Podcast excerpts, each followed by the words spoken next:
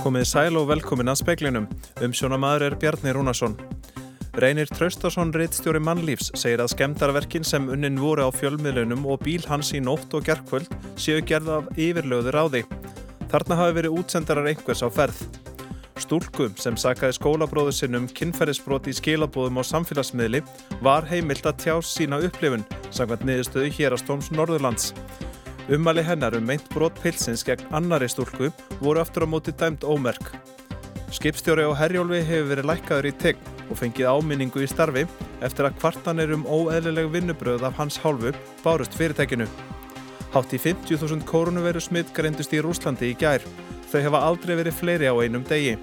Ekki stendur til að herða smittvarnir þrátt fyrir það.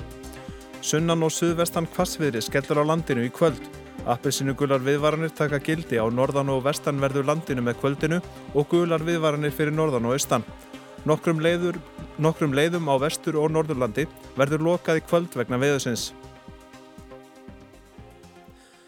Tekist hefur að koma upp vefnum mannlífi eftir að allt efni var þurkað út af honum í nótt. Brotist var inn og rænt á skrifstofu mannlífs við ármúla í nótt og inn í bíl reittstjórans reynist Traustasonar í gerkvöld við Úlvarsfell. Liklar að skrifstofunni voru í bílnum. Reynir segi skemdaverkin hafa verið þaul skipulögð.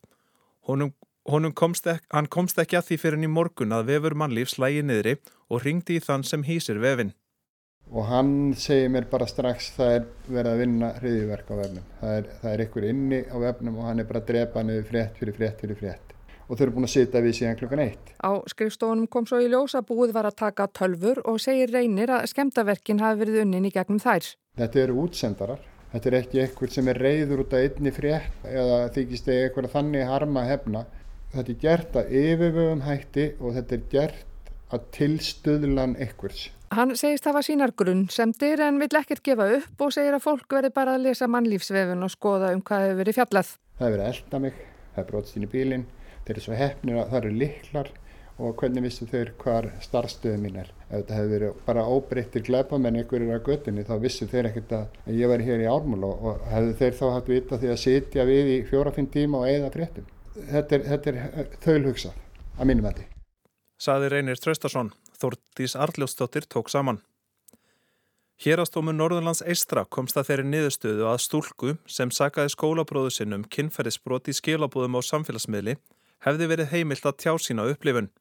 Miskabóta kröfu pilsins var vísa frá og ummæli stúlkunar ekki ómert. Aftur á móti voru dæmt ómerk ummæli hennar um meint brot pilsins gegn annari stúlku. Stúlkan hafði sendt vinkonu sinni enga skilabóð gegnum samfélagsmiðlinn Snapchat þar sem hún sagar piltin um hafa beitt sig og fleiri stúlkur kynferðisofbeldi.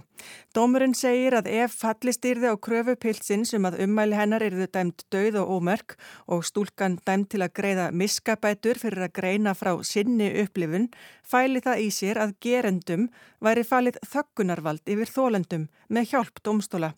Gunnar Ingi Jóhansson, hæstaðréttalögmaður, segir niðurstöðuna í samræmi við þá þróun sem hefur átt sér stað undanfarið. En það er ennþá dreyin af skýr markalina millir þess að segja fyrir einhverju sem við komum til að upplifa sjálfur og annars vegar og svo hins vegar að segja frá einhverju aðdug sem varða einhverja aðra. Þá er gerð grafaðum að við komum til færi sönnur á að það hafi eigið einhver okkar stegast. Í dóminum segir orðrétt, þólendum verður ekki með dómi gert að þeia um sannleikan. Svo, svo setning í dóminum veikur aðtegli, en dóminum segir svo sem á öðrum stað sko í málun að, að dóminum geta ekkert góðarið úr um það hvora aðeins sé er um að segja sannleikan. Það, það sé ómögulega. Vegna þess en þá getur hann heldur ekki dæmt umælinn döðu ómörk því það fælst náttúrulega ákveðin afstæða í, í þeirri niðurstöðu. Saði Gunnar Ingi Jóhansson, Alma Ómarsdóttir tók saman. Skipstjóri hjá Herjólfi hefur fengið áminningu í starfi og verið lækkaður í tegn eftir að aðtúasemt og kvörtun barst um óæðileg vinnubröð af hans hálfu. Lögskráningu skipsins var ábútafant þar sem skipstjórin helt áfram að sigla eftir að atvinnuréttindi hans runnu út fyrir jól. Lörglan í vestmannegum segir enga kæru hafa borist vegna málsins. Að sög samgöngustofu var skipstjórin lögskráður um borð þrátt fyrir að réttindi hans væru útrunnin. Lögum samkvæmt er óheimilt að halda úr höfn nema allir skipurjar hafi verið lögskráðir. Samkvæmt heimildum fréttastofu var aftur á móti beilinnes um ránga skráningu að ræða og skipstjórin skráði í einhverjum tilveikum nöfn annara skipstjóra án þeirra vitundar þegar hann var sjálfur við stjórnvölinn. Tæplega 50.000 koronaviru smitt greindust í Rúslandi í gær. Þetta er mesti fjöldi smitta á einum sólarhing frá því að COVID-19 faraldurinn braust út snemma árs 2020. Smittin í gær voru rúmlega 8.000 fleiri en þegar ástandið var verst í november síðastliðnum. Vladimir Putin fórseti varaði í síðustu viku við því að mikil smitt bylgja væri yfirvofandi. Hann hvatti landsmenn til að fara í sínatöku og láta bólusetja sig gegn verunni. Að sögni framleiðenda rúsnaska bóluefnisins Sputnik Vaff dugar það vel sem vörd gegn Omikron afbreyðinu og er þar vísa til niðurstöðu Spallanzan í sjótvartastofnarinnar á Ítalju. Fleiri bóluefni standa rúsum til bóða en almennt eru þur treyir til að láta bólusetja sig. Innan við helmingur þjóðarinnar er bólusettur að fullu. Í upphafi farsóttarinnar greipur stjórnvöld til útgöngubans í nokkur tíma til að koma í vekk fyrir útbreðislu veirunar. Ekki stendur til að fara í neinar slíkar aðgerðir að þessu sinni. Flest smitt koma upp í höfuðborginni Moskvu um þessar mundir. Sergei Sobjanin, borgarstjóri, sagði fyrir vikunni að smittvarnir yrðu ekki hertar meðan sjúkrahúsborgarinnar réðu við ástandið. Ásker Tómasson saði frá.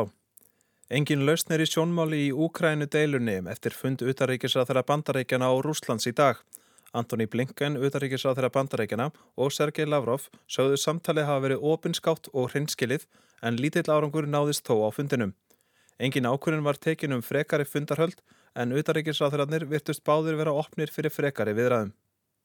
Það blæs hressilega að sunnan og suðvestan í kvöld. Nú klukkan 6 tók gildi appelsínugul viðvörun á breyðafyrði og frá klukkan 7 tekur hún gildi á öllu Norðurlandi vestra og vestfyrðum. Þá er einni gul viðvörun við faksaflóa og á stórum hluta landsins norðan og austanverðu í kvöld.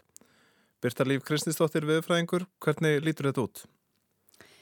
Já, eins og sagði, það er appisingul viðvörun að taka gildi núna á eftir og það er gul viðvörun vegna vinds á faksaflóa og norðlunda eistra og austfjörðum og austurlanda glettingi. Núna setni kvöld þær eru svona frekar skamvinnar þarna norðaustan, austan til en uh, þetta heldur áfram fram eftir degi og við erum að sjá alveg appilsýningular viður viðvarani vegna stórrýðar á norðvestunarlandinu alveg fram eftir degi á morgun og vegarinn hefur nú þegar gefið út að það er líklegt að það verði lokað einhverjum vegum. Og hversu lengi stendur þetta yfir? Þær viðvarni sem er gildi núna eru þanga til svona klukkan 6 annarkvöld en það er ekki ólíkulegt að þeim verði eitthvað nýka til hvort að verði eitthvað lengt í þeim eða það er ólíkulegt að verði stitt í þeim en það er bara um að gera að fylgjast með hvernig þróunin verður á morgun. Og er eitthvað líkur á að snjór fari af stað við þessar aðstæður?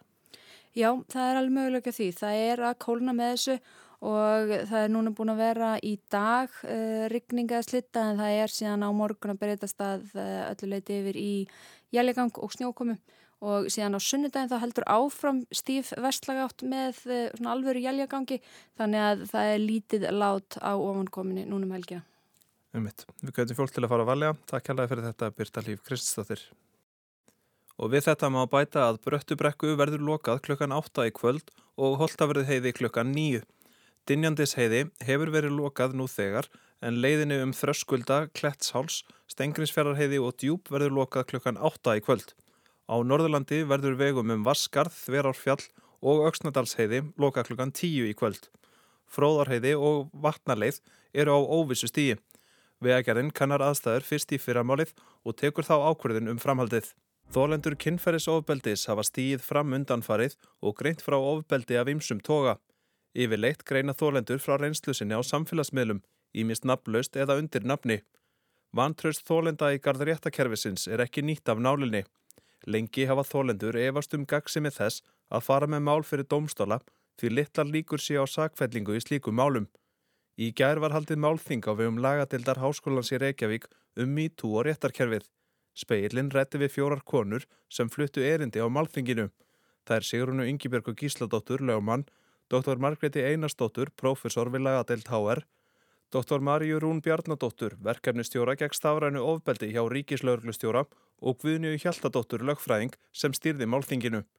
Guðni fekk fyrstu spurninguna, sem var yfirskrift þingsins, getur verið að réttarkerfið virki ekki sem skildi fyrir þólendur kynferðisofbeldis. Já, ég held að það segir sínum bara sjálf. Við erum með aðla þólendur sem er að tjá sig á samfélagsmeilum vegna þess að þeir upplifi það þeir hafa ekki eh, fengi réttlæti hjá kerfinu.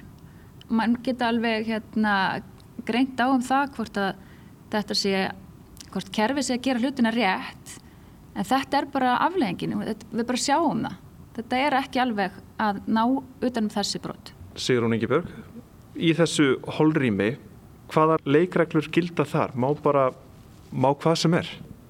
Það er ólíku mælikvarði í refsimáli þar sem er verið að sína fram á sekt einhvers sem að eiga leiða til refsingar annars vegar og svo hins vegar í engamáli þar sem að er verið að vega og meta tjáningafrelsið annars vegar og fríðhelgi engalifs hins vegar. Og þetta er í grunninn jafn rétt á réttindi, þú átt rétt á að tjáði og þú átt rétt til að njóta fríðhelgi engalifs þannig að það verður að reyna að finna einhver mörg þarna á milli. Mm. og þar liggur reynilega línan í því að ef það er ekki algjörlega tilhafi löst það sem þú ert að segja til dæmi sem þólandi um atvik að þá er tjáningin oft heimil Þannig þú, þú þarf ekki að sína fram á sekt viðkomandi í engamáli til sem að tjá þig.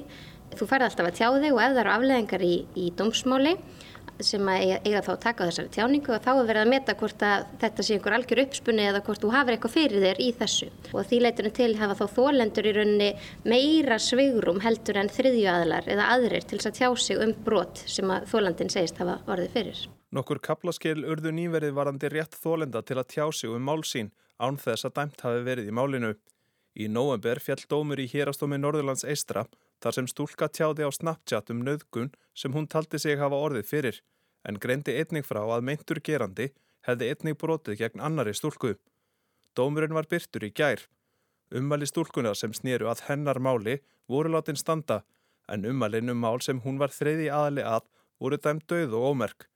Erum en ávalt saklausir um sektir sönnuð Margreit Einarstóttir. Sko, það hefur náttúrulega verið sko ákveðin miskilningur í umræðinni að þetta ákveði annara málskrána 70. grann stjórnarskrána að maður sem saklusin sagt er sönnuð að það bindi engaðila og það bindi þólendur uh, kynbundins ofbeldis. Þetta ákveði tekur einungis til uh, handhafa ríkisvalds. Það tekur til auðgjafavalds, framkvæmdavalds og dómsvalds að þessir aðilar meiga ekki lýsa yfir sekt manna fyrir að, að menn hafi verið dæmdir í refsimáli fyrir lögmætum domstóli. Þegar enga aðili, hvort sem það er þólandi kynbundisofbildis eða fjölmiðl eða hvað svo sem það er, tjáir sig, þá reynir á annars vegar tjáningafrelsi sem variðir bæði í stjórnarskráni og marindasáttmála Európu annars vegar og hins vegar friðhelgi engalífs þá e, meint e, geranda sem einni er varið í stjórnarskráni og og mannréttindasáttmála Evrópu. Þannig að það er ástættis að leiðrétta þetta, þetta snýst um þetta, þetta samspil tjáningafrelsis, þólanda eða fjölmiðis til að tjá sig og versus þá friðhelgi engalífs e, meint geranda. Sigrun Ingebjörg fór meðal annars yfir í sínu erindi hvort 13% réttlati væri nóg en aðeins 13% kynferðisbrótamála sem þó eru kert til lögreglu leiða til sakfellingar. Þá var ég að výsa í rannsók sem að Hildur Fjóla og Þorberg Sigriður gerðu um tölfræðu árunum 2008-2009 um framgang mála innan kervisins. Það var gerð svona myndræn framsetning á þessum tölum sem sínir að 13% mála sem eru kært til lögreglu eða voru kært á þessum tíma leiði til sakfellingar og þeirri spurningu veldu upp er þetta fullnægandi en ég vil nú kannski bæta við þá spurningu hvort það sé fullnægandi að 13% af kærðum málum endir svona þegar að ljósta mikil meirulhuti mála kemst aldrei einu svona í þetta kæruferli. Og spurningin mín er sættum við, við okkur við þetta kerfi eða þurfum að breyta kerfinu og laga umgjörðinni samfélagshugsunni til þess að ná betur auðvitað um brotin þannig að allar konur sem að verða fyrir broti eh, geti farið leið sem að tryggir að það eru upplifi réttlæti. Marja Rún Bjarnadóttir líkti yfirstandandi breytingum sem kalla hefur verið eftir í meðferð kynferðisbrotamála við náttúruöfl. Það sapnist upp svona kvika sem eru þá þessi mál sem að ganga ekki vel, þessi frustrasjón, brotaþála og þegar þrýstingurum verður nógu mikill að þá verði bara gós sannlega. og það er raun og veru það sem ég held að við séum kannski svolítið að sjá og það er búið að vera sapnast í þó nokkur tíma í þessi, þessi kvikugöng og, og þrýstingurinn er, er að aukast og ég held að kannski sjáum við bara gós. Þannig að við erum stöðt í miðju jærskalladífambili núna? Algjörlega, það er, er bullandi skjáltarina. Óróapúls jáfnvel. Já, óróapúls. en hvar stendur Íslands réttarkerfi í þessum málum með við nágrannarlöndin? Marja Rún Bjarnadóttir. Það er bara allur gangur á því.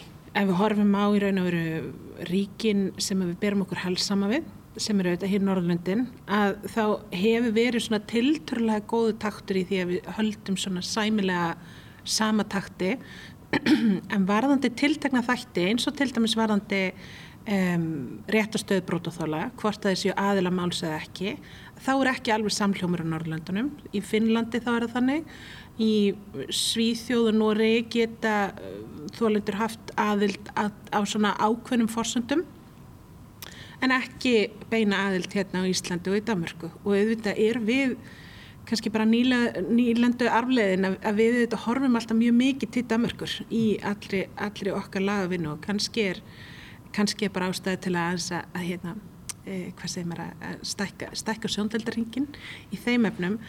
En að mörgu leiti er íslensk lögjöf og, og, og ekki síður veru sá stuðningur sem er í bóði fyrir þólendu kemfyrirspota á Íslandi, hann er góður ef við berum okkur sama við mörg önnulang. Við erum með ókeppis, það, það kostar ekki fyrir brótaþóla að hafa réttakæslumann í raun og veru ríki stendur undir þessum kostnaði þólendur eiga rétt á aðstóð, sálfræðaðstóð, við erum auðvitað með bjarkarlýð og, og sambarleg úrraði, við erum með stórkostlega samtök eins og stígamót sem hafa gert magnaða hluti.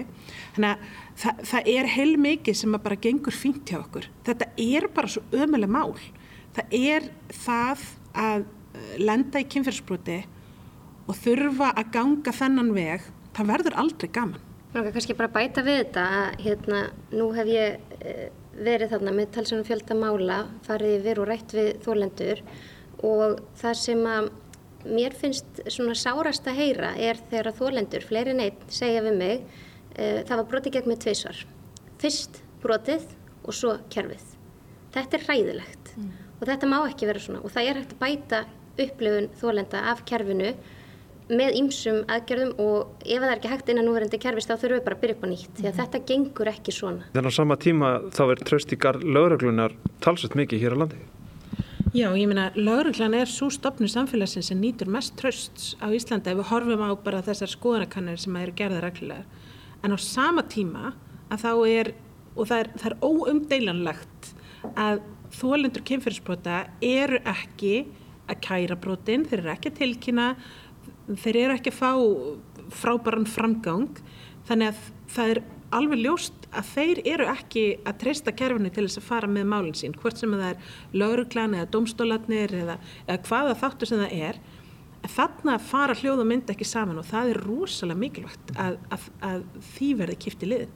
Hvað vonast þið til að gerist og hvað þarf að breytast? Sko ég nefndi hérna í erindi mínu að það eru nokkur aðrið sem standa upp úr bara innan núverandi kerfi sem er mjög auðvelt að bæta með mönnun og fjármagni.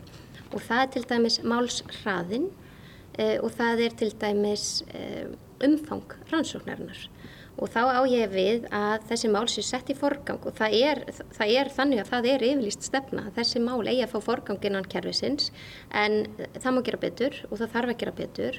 Og hlutir eins og að taka strax skýslu af sagbortningi er algjört líkilatriði og líka vittnum og sömulegis að ganga jafnveg lengra í að púsla saman heldarmyndinni eh, um hvað gerðist. Að því að það hefur þýðingu að skoða hvað gerðist áður en að til dæmis kynferðisbrot átti sér stað. Um, getum tekið sem dæmi ef að ölfun, er ölfun að þá einhver sem að hitti þólandan áður getur sagt til um ölfunarstíð þetta hefur áhrif á það hvort viðkomandi getur gefið samþykkið ekki. Og það þarf að skoða málinn algjörlega heilstætt og annað atrið sem er hægt að gera það er að skoða betur uh, vægi þeirra sönnunagagna sem til eru í þessum málum. Og það er þá sérstaklega hlutir eins og sálfræði það við tökum mark á þeim sem samfélag Svo er stærri spurning og, hérna, sem við getum spurt okkur, er, er þetta kerfi besta leiðin? Getum við gert einhver róttaka breytingar innan þess? Marja var að nefna eitt aðriði hérna sem hefur verið í umræðinni og það er um aðild að þessum málum. Þólandi hafi eitthvað um það að segja hvernig málinn fara, geti fengið aðganga gögnum og þess áttar, eh, njóti svona sambarilegri stöðu á við sagbortning varandi e, málsmeðferðina. Það er ímislegt þess að sem, sem er hægt að gera án þá einhverja mjög umfangsmikilla breytinga. Nú og síðan má bara velta upp hvort að við getum búið einhver önnur úrræði til viðbótar við þau úrræði sem nú eru til staðar til þess að auka líkunar á því að, að konur leiti til réttarkerfisins og treysti því fyrir meðferð málana. Mm. Því eins og ég var að tala um hérna áðan að þá er þetta mjög stór hópur sem aldrei fer inn í kerfið og sáhópur sem fer þó inn í kerfið að hann má búast við því að, að málinn verði fælt niður meira hluti þeirra.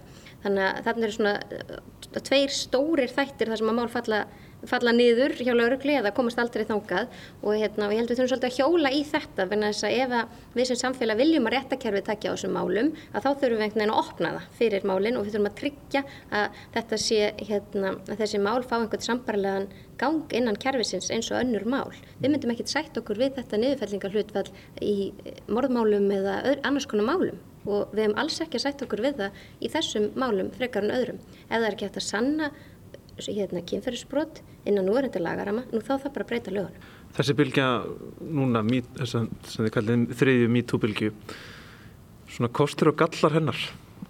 Já, þetta er náttúrulega helsti kosturinn er náttúrulega að, að, að þólendur fái rött, að þólendur fái e, að, að skila skömmunni og það er áhugað merkilegt að fylgja sem er þeirri þróun sem er að verða varðandi skömmuna sem fylgja þessum brotum.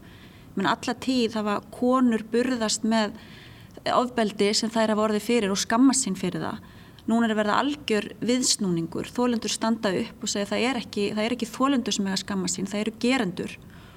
Og, og, og ég leiði leif mér að vona með, með þessari bylgu þá sé það liðin tíða að konur þegi árum og áratugum saman yfir ofbeldi sem þær hafa orðið fyrir og með þá skadleri, oft skadleri, skadlegum áhrifum að helsuðira.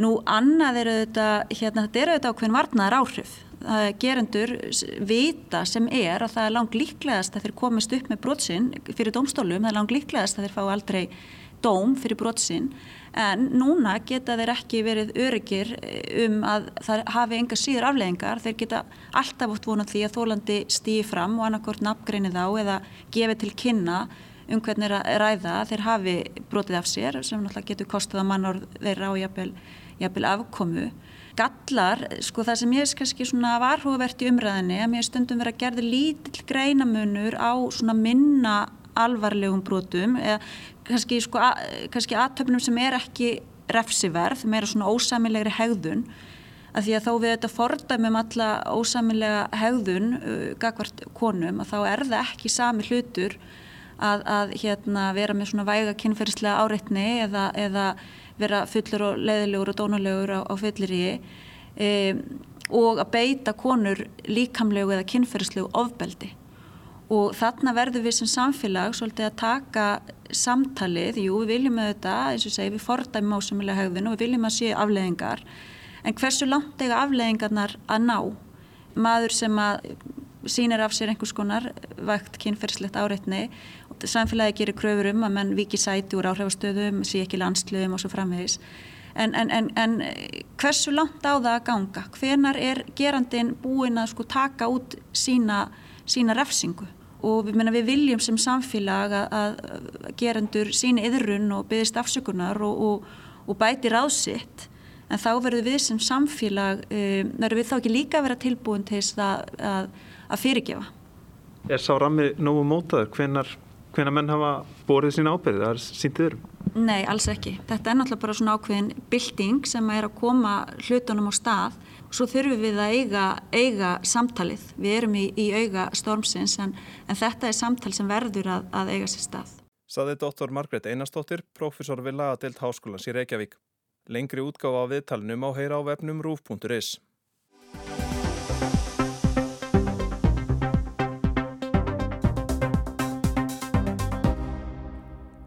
Norska prinsessan Ingrid Alexandra varð 18 ára í dag og í fyllingu tímans full gild til að stýra ríkisaði Noregs ef þess gerist þörf.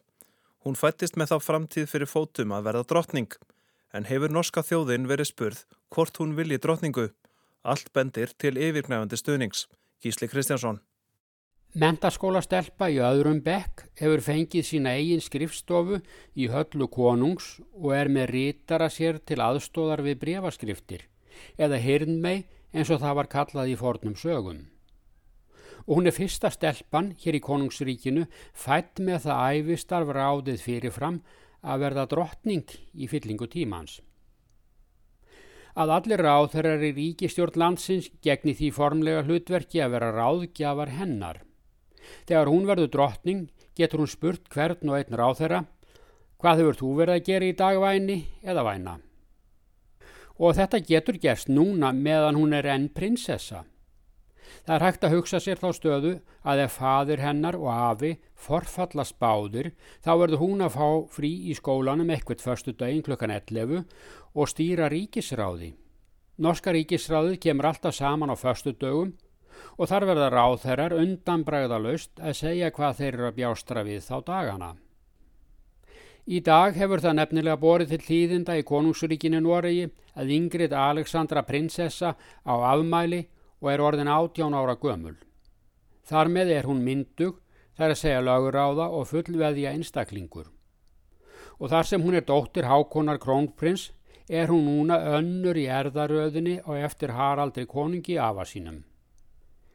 Ingrid Alexandra fekk frí í skólanum í dag og gekk í morgun í fyrsta sinn inn í ríkisraðsalinn í konungshöllinni, núna í fyllt með föður og afa og var kynnt fyrir ráðhörunum í fyrsta sinn.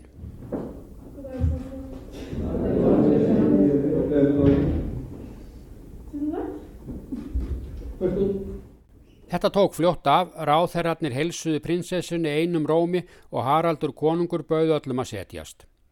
Hér er reglunum fyllt og nú vita ráðherratnir hver hún er. Í gær fórun í stórþingið og hæstarétt. Allt þetta tilstand þýðir að Ingrid Alexandra verður nú að takast á hendur skildur í nafni konungsríkisins meðfram námi sín í mentaskólanum. Það fer reyndar þegar orðaf henni sem mikillin námsmannesku en um persónulega hægi hennar er aldrei rætt í fjölmiðlum. En hvað finnst henni sjálfri um þessi tímamót? Hún rætti málinn í NRK, Norska ríkisútvarpun í morgun. Nei, det er vel mer forventninger til hvordan man skal oppføre seg. og Det er kanskje litt mer ansvar, eh, men så betyr det jo også veldig mye fer frihet. Það er til þess ætlast að ég komi vel fram og þessu fylgin meiri ábyrð en kannski líka meira frelsi að vera orðin átjón, saði prinsessan. Hún segist eins og aðrir ætla að taka bílpróf og keira sjálf. En hún fekk engan bíl í afmæli skjöf frá hinnu konunglega félagi norskra bifriðegenda. Það fengu langafi hennar afi og fadir, en núna er svo hefður ofinn af umhverfis ástæðum. En hefur þjóðin verið spurð, hinn er vantarlegu þegnar, vill þjóðin drottningu? Ekki beinlíni spurt í atkvæðagreyslu en skoðanakannanir eru reglulega gerðar. Núna voru þúsund ungmenni á aldrinum 16 ára til 20 spurð.